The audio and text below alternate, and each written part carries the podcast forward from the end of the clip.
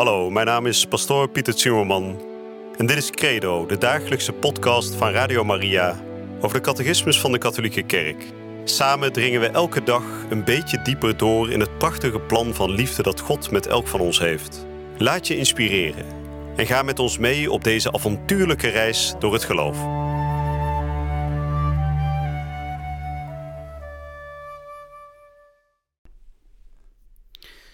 Vrienden, we zijn weer terug bij Credo, de dagelijkse podcast hier bij Radio Maria. En we zijn volop aan het spreken over het belangrijkste moment uit het leven van Jezus, namelijk zijn kruisdood. Het beslissende moment van Pasen. Jezus die met zijn leerlingen aan tafel gaat, die daar met zijn leerlingen het laatste avondmaal nuttigt en die daar aan zijn leerlingen de opdracht geeft om dit te blijven doen tot zijn gedachtenis. De heilige mis, die overal in de wereld elke dag wordt gevierd door alle priesters, is een voortzetting van dat mysterie dat in Christus zelf is begonnen. Het laatste avondmaal, waarbij Christus het brood in zijn handen geeft en het zijn leerlingen aanbiedt als zijn lichaam. En ook de wijn die hij aanbiedt als zijn bloed, wat natuurlijk uiteindelijk ook effectief zal worden aan het kruis, wanneer hij daadwerkelijk zijn lichaam zijn bloed zal offeren voor de redding van ons, van de mensheid. Nou, we gaan vandaag spreken over de begrafenis van Jezus. Er is niks in het leven van Jezus en ook niet in de dood van Jezus wat zonder betekenis is. Dus ook zijn begrafenis, ook daar kunnen wij veel uithalen. Um, we gaan daarover spreken, we gaan daar wat over mediteren. En we gaan vandaag lezen de nummers 624 tot en met 630. En dat betekent dat we gaan spreken over de begrafenis van Jezus, maar we gaan ook de samenvatting meteen meenemen. U weet, elke paragraaf wordt geëindigd met een blokje in het kort. En aangezien vandaag in het kort wel heel erg kort is, zullen we dat in één keer meenemen. Dus we zullen eerst de nummers lezen en daarna ook meteen de korte samenvatting erachteraan bespreken. Maar voordat we dat gaan doen, zullen we eerst ons hart weer stilmaken om tot God te spreken in gebed. In de naam van de Vader en de Zoon en de Heilige Geest. Amen. Heilige Vader, wij vragen om uw Heilige Geest om het grote mysterie van de dood van uw Zoon ten volle te begrijpen. Op het moment dat Jezus zijn leven aflegt aan het kruis, zal hij na zijn kruisdood worden begraven. Zijn ziel en zijn lichaam zullen gescheiden worden, en toch weten we dat ook zijn lichaam niet de corruptie van de verrotting van de dood zal ondergaan. Hoewel uw zoon, net als elke mens, moest sterven naar zijn menselijke natuur, toch is het zo dat zijn lichaam uiteindelijk bewaard bleef en weer vervuld zou zijn van zijn en uw goddelijke aanwezigheid. Heer God, we willen bidden dat wij in de grafrust van Jezus zelf ook rust mogen vinden. Dat we met Hem begraven worden in zondigheid, om uiteindelijk met Hem op te staan in heiligheid. Dat vragen we, Vader, in de naam van uw Zoon Jezus Christus. Amen. En ik lees voor de nummers 624 tot en met 630. Paragraaf 3. Jezus Christus is begraven. Door Gods genade kwam zijn sterven aan alle ten goede.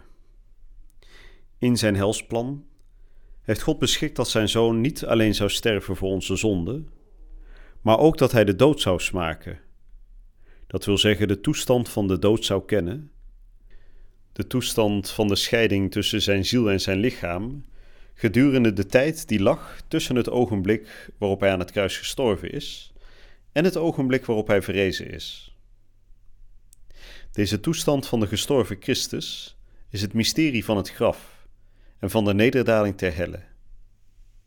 Het is het mysterie van Paaszaterdag, waarop het beeld van Christus die in het graf gelegd is, verwijst naar de grote sabbatrust van God na het tot stand brengen van het hel van de mensen dat heel de wereld vrede schenkt. Christus naar zijn lichaam in het graf. Het verblijf van Christus in het graf vormt de werkelijke verbinding tussen de aan lijden onderhevige toestand van Christus voor Pasen en zijn huidige glorievolle staat van verrezenen. Het is dezelfde persoon van de levende die kan zeggen: Ik was dood en zie, ik leef in de eeuwen der eeuwen. Hij, God de Zoon, heeft niet verhinderd dat door de dood de ziel van het lichaam gescheiden werd, overeenkomstig de voor de natuur noodzakelijke orde, maar heeft ze door de verrijzenis weer met elkaar verbonden, om in zijn persoon voor elk van beide, namelijk dood en leven, ontmoetingspunt te worden voor dood en leven. Door in zichzelf de ontbinding van de, van de natuur, door de dood tot staan te brengen en de grondslag van de hereniging van de gescheiden delen te worden. Aangezien de leidsman ten leven die men ter dood heeft gebracht, precies dezelfde is als de levende die verrezen is, moet de goddelijke persoon van de Zoon van God zijn door de dood van elkaar gescheiden ziel en lichaam zijn blijven aannemen. Ofschoon Christus daarom als mens gestorven is en zijn heilige ziel van zijn vlekkeloos lichaam gescheiden werd, bleef de godheid van beide, ik bedoel ziel en lichaam, behouden. En daarom werd de ene persoon nu ook niet in twee personen gesplitst. Immers, het lichaam en de ziel bestonden tegelijkertijd vanaf het begin in de persoon van het woord. En ook al werden zij in de dood van elkaar gescheiden, toch bleef elk van beiden, verbonden met de ene persoon van het woord, behouden. U zult uw heilige geen bederf laten zien. De dood van Christus is een werkelijke dood geweest, in zoverre hij een einde gemaakt heeft aan zijn menselijk aards bestaan.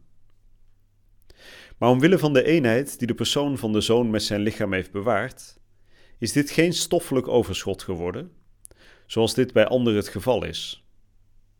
Want het was onmogelijk dat hij door de dood werd vastgehouden.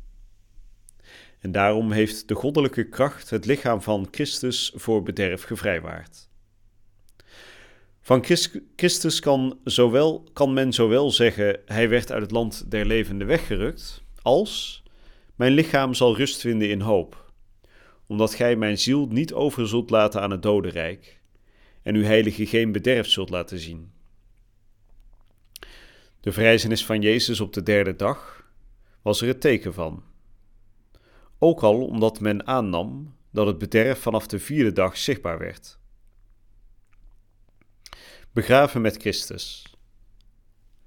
Het doopsel, waarvan het oorspronkelijke en volledige teken de onderdompeling is, brengt op doelmatige wijze het ten grave dalen van de christen tot uitdrukking, die met Christus aan de zonde sterft, met het oog op een nieuw leven.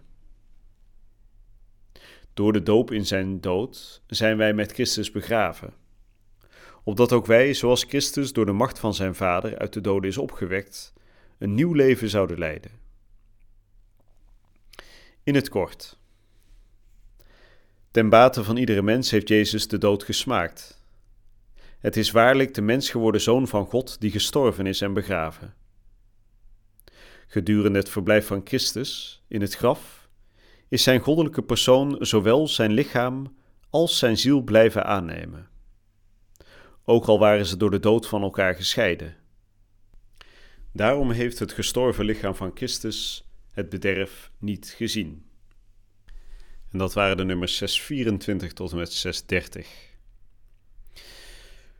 Nou, dat viel niet mee volgens mij. Een ingewikkelde tekst vandaag over wat het nou precies betekent dat Jezus is doodgegaan, net als elke andere mens. Maar dat er met zijn lichaam toch niet hetzelfde is gebeurd als bij andere mensen. Het is geen stoffelijk overschot geworden, wat uiteindelijk in de grond is verteerd en ontbonden. Nee, bij het lichaam van Christus is dat anders. En zoals de heilige Johannes Damascenus, die werd net geciteerd, het zo ja, mooi, maar tegelijkertijd toch ook wel moeilijk verwoord.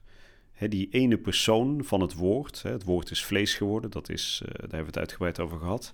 Die ene persoon die zowel ziel als lichaam is, die is weliswaar gescheiden.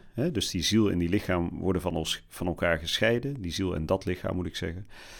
Maar ondanks die scheiding blijven beide deel uitmaken van die ene goddelijke persoon. Een beetje een technische blik die we nu, uh, of een technische bril die, nu, die we nu moeten opzetten om dat helemaal te begrijpen. Maar het komt er kort gezegd op neer dat zowel zijn ziel als zijn lichaam deel blijven uitmaken van dat woord dat vlees is geworden. En zijn ziel, we zullen dat in de volgende uitzending horen, die zal afdalen naar de hel. Om daar ook de uh, mannen en vrouwen uit het Oude Testament, hè, die al op zijn komst aan het wachten waren, om die ook te verlossen. Daar gaan we het in de volgende uitzending over hebben. Maar zijn lichaam blijft weliswaar op aarde, maar ondergaat niet dezelfde verrotting die een normaal menselijk lichaam wel ondergaat na het sterven. En dat heeft er dus mee te maken dat zijn lichaam, omdat het ook een tempel is geweest, um, een deel van, dat, van die goddelijke persoon, um, die volledig uh, incorrupt was, dus volledig vrij was van zonde, zal ook de dood daar geen vat op hebben. Dus na drie dagen zal die ziel weer verenigd worden met dat lichaam en zullen we zien dat dat lichaam onaangetast is gebleven.